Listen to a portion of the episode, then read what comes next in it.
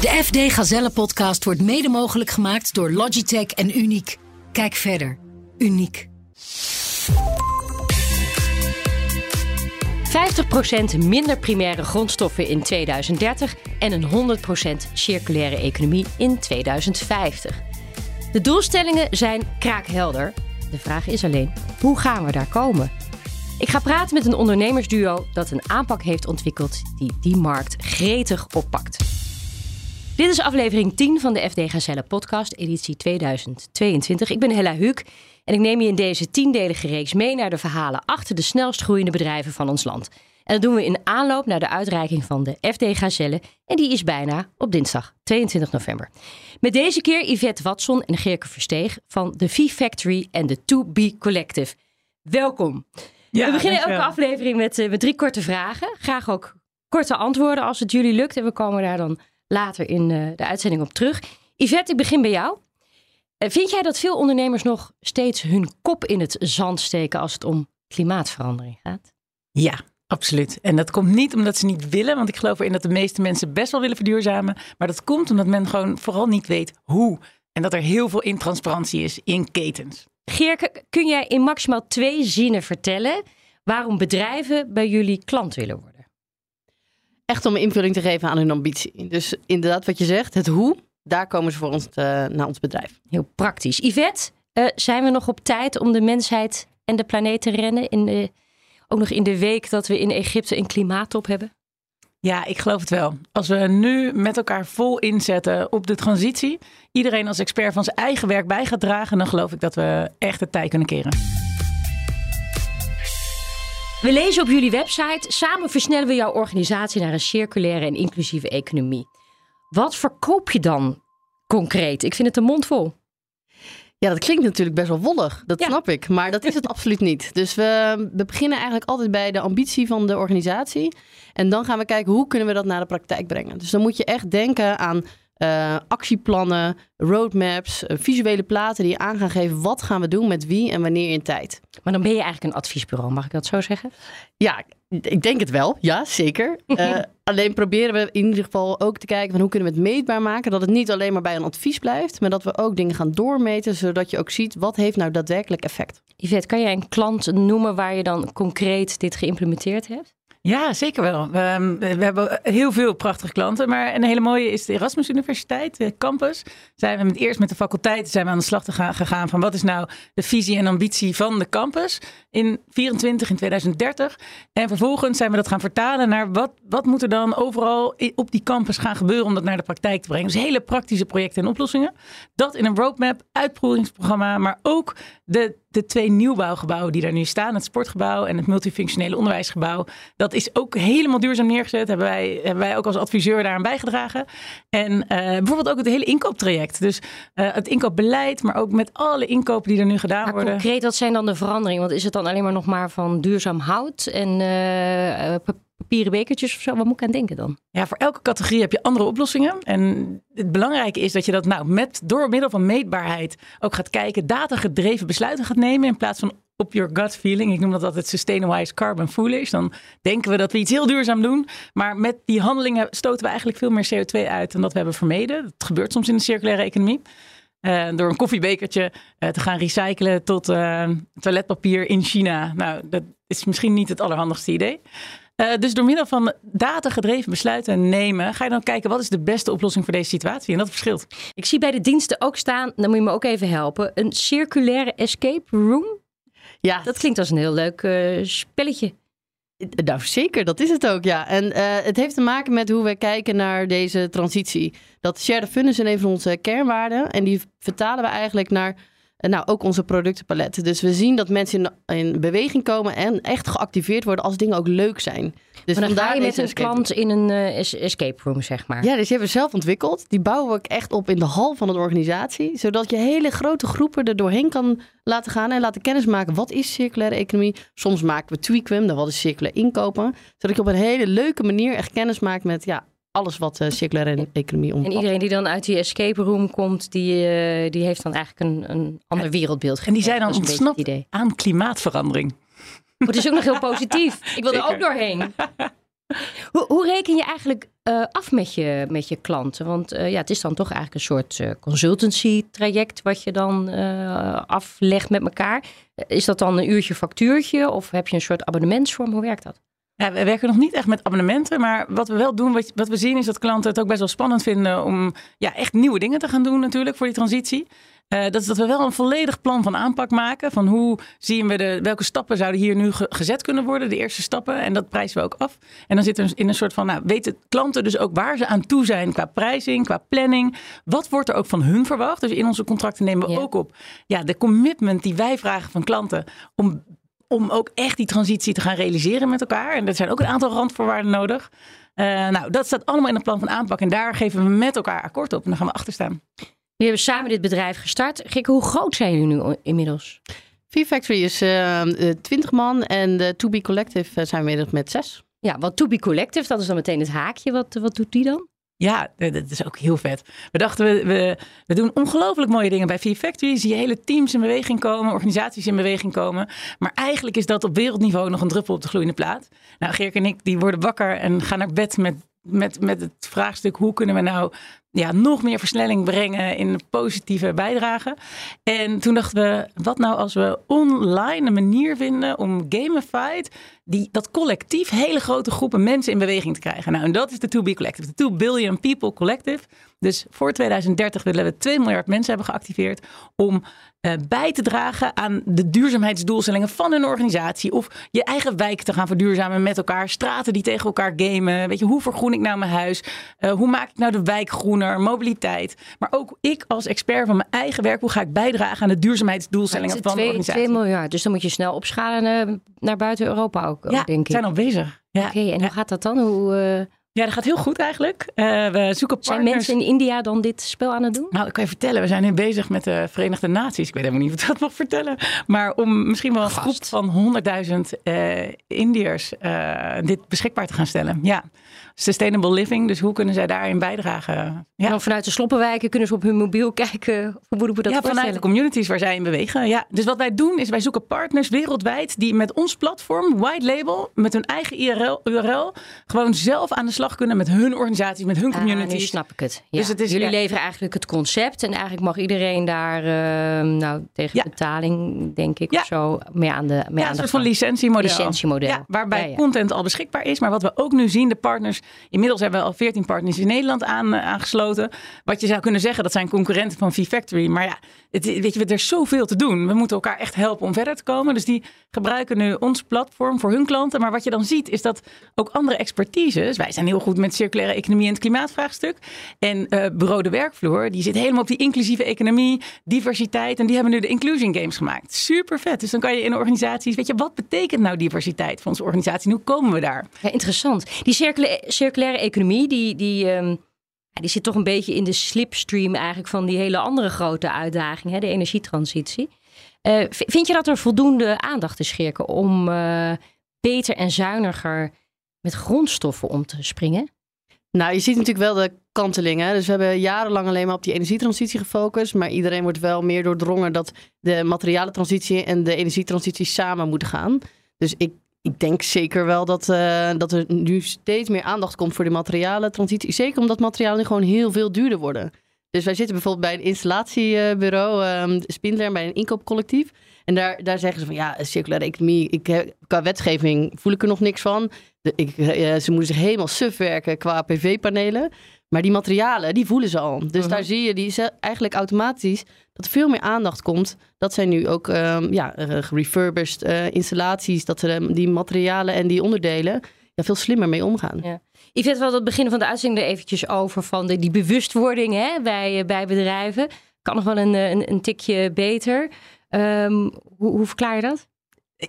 Ja, ik denk dat het belangrijk is dat we steeds meer gaan voelen dat we die, wie we thuis zijn, waar mensen al best wel vaak duurzaam zijn, dat we dat ook op ons werk mogen uiten. En de kennis die we daarover hebben in relatie tot het expert die je bent van je eigen werk, uh, veel meer mag meenemen. Dus hoe ziet jouw duurzame baan eruit in de toekomst?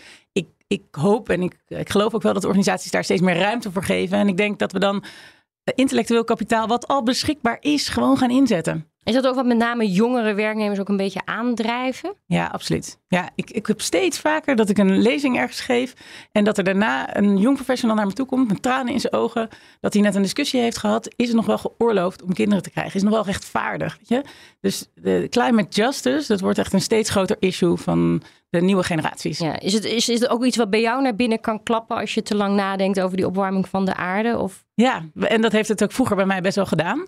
Maar ik heb dat om weten te zetten in een soort van positieve um, um, actie erop. Dus hoe kunnen we de zorgen die we maken omzetten in manifestatie? En ik denk dat dat is waar wij, nou, waar Gek en ik met z'n twee heel goed handen en voeten aan hebben weten te geven in onze twee bedrijven. Mijn gasten zijn Yvette Watson en Geerke Versteeg van de Fee Factory. Praat zo meteen verder.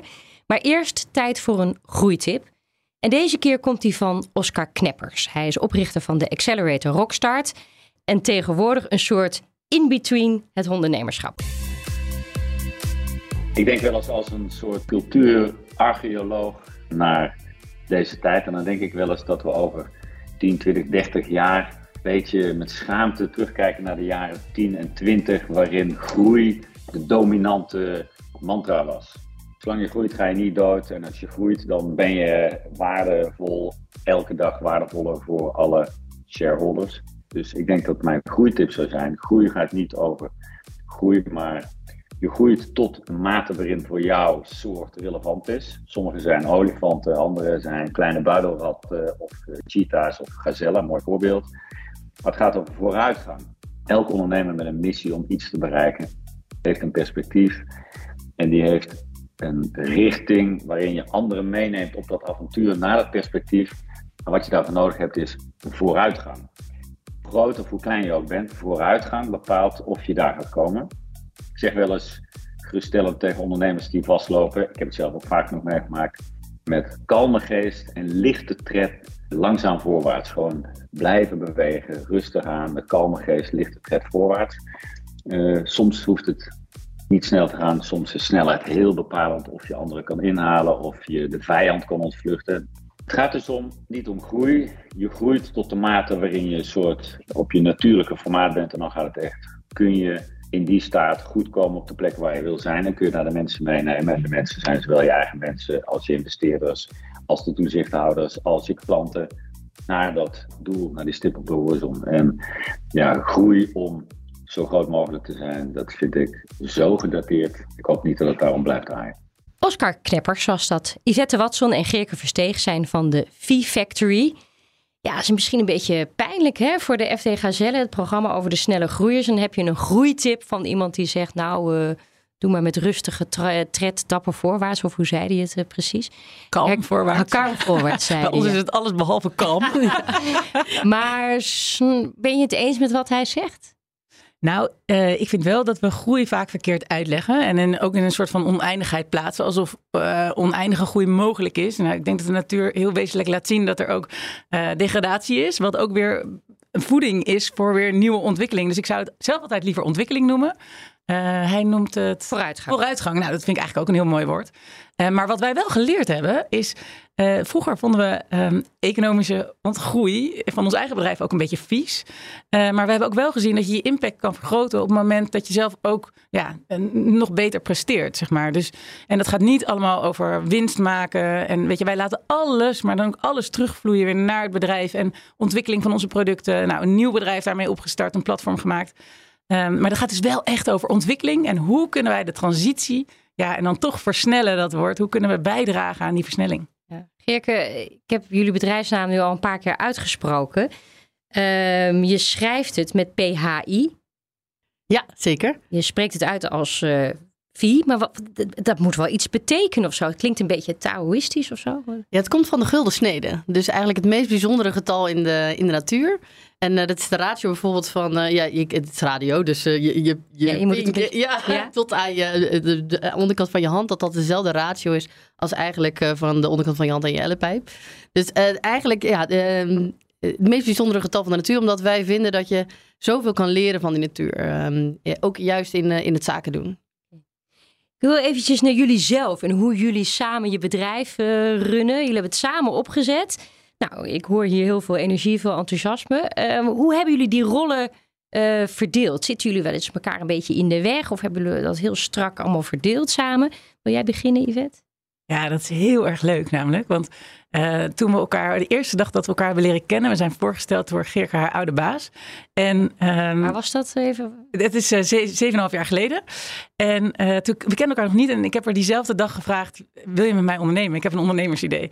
En Geerke heeft me die avond gebeld en heeft gezegd: Ja, dat wil ik. En vanaf dat moment hebben we elkaar geen dag niet meer gezien. Dus dat betekent dat we eigenlijk vrij, vrij bleu in deze relatie zijn gestapt met elkaar. Met een enorme uh, duidelijke stip op de horizon dat we willen bereiken. Dus ons ondernemerschap is gestoeld op de droom die we allebei hebben, die we allebei nastreven.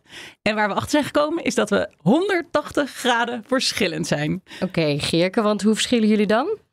Ja, je, moet het zien dat die vet echt een mega creativo van ons twee is. Eh, maar ook geen structuur in de hoofd heeft, letterlijk niet. Dus sommige vraagstukken kijkt ze naar en denkt ze? En hoe zit dat? Terwijl ik dus helemaal de andere kant ben.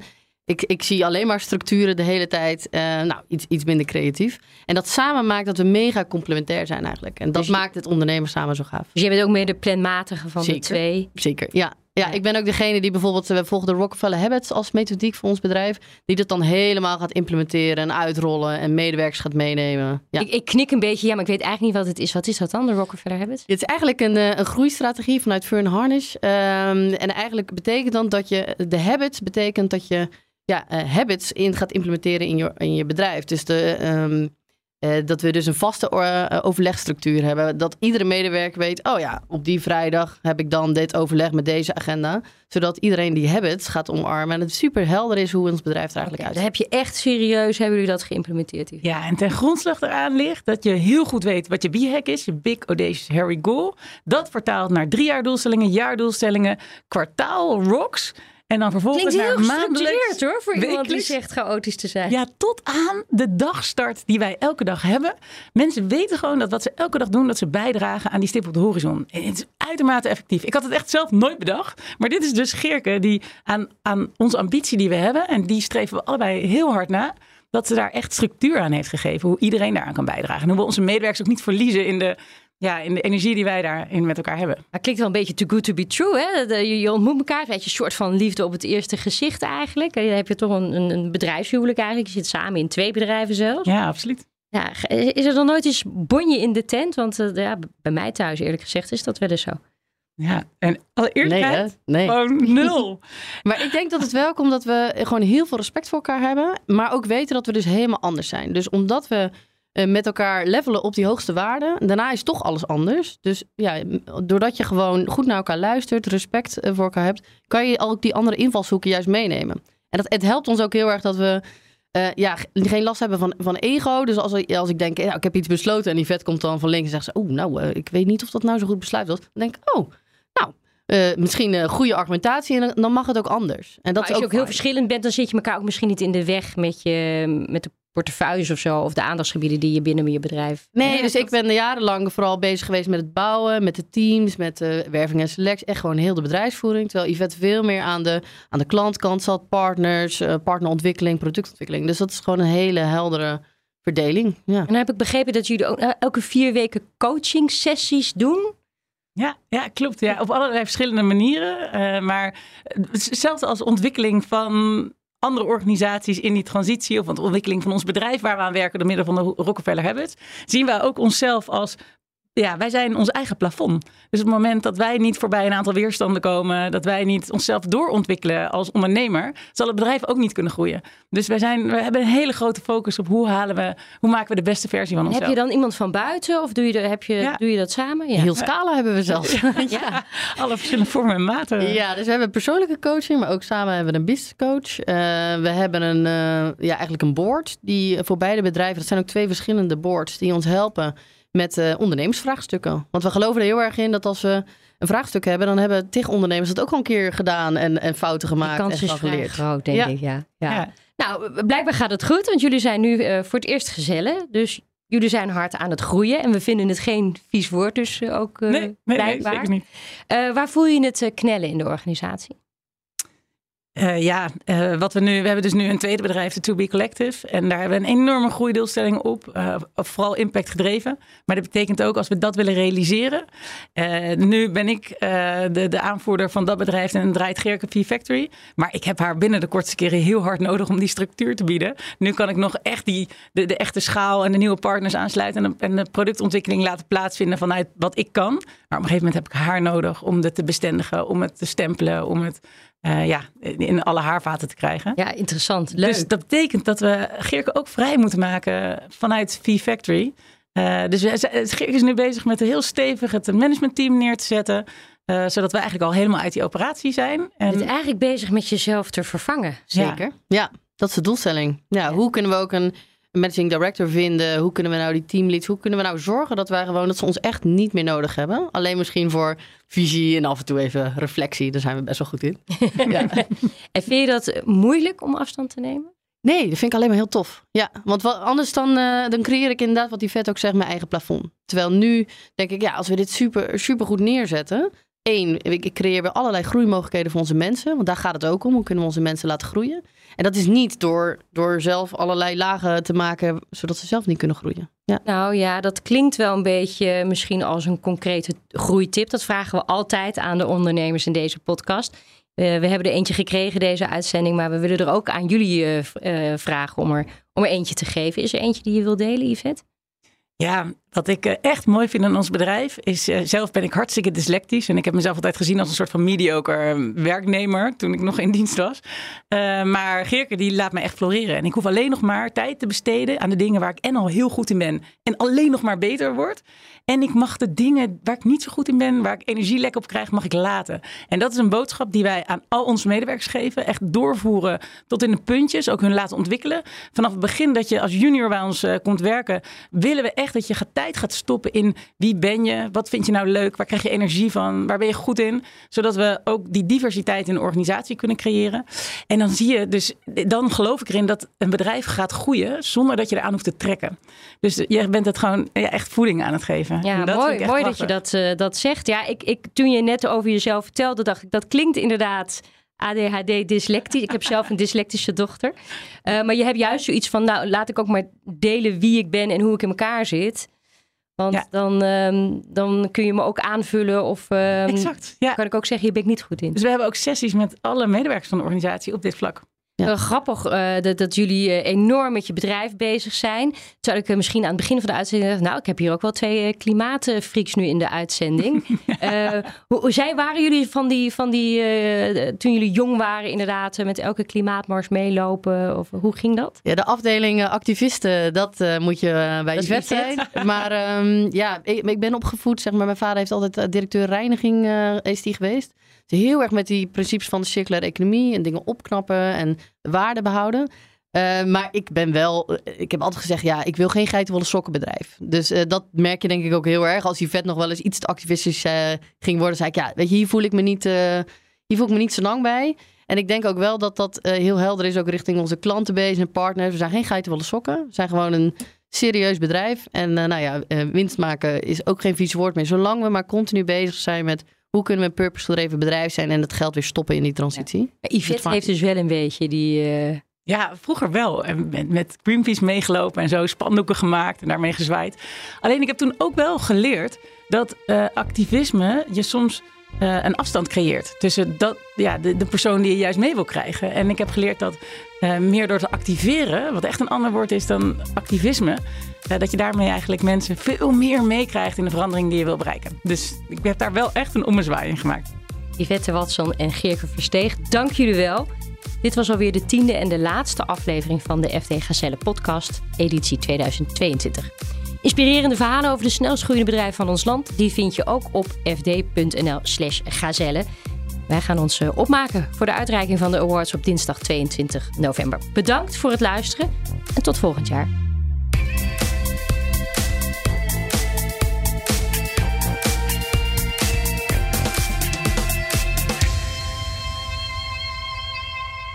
De FD Gazelle podcast wordt mede mogelijk gemaakt door Logitech en Uniek. Kijk verder. Uniek.